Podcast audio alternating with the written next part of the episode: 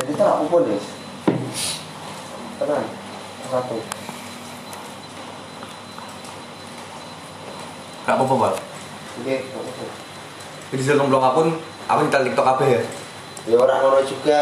Batasnya ini lima- 15 detik kan soalnya ki aku rutine saka Dimas ngandani jadi ki nek wis saka lima- 15 detik kuwi wis copyright.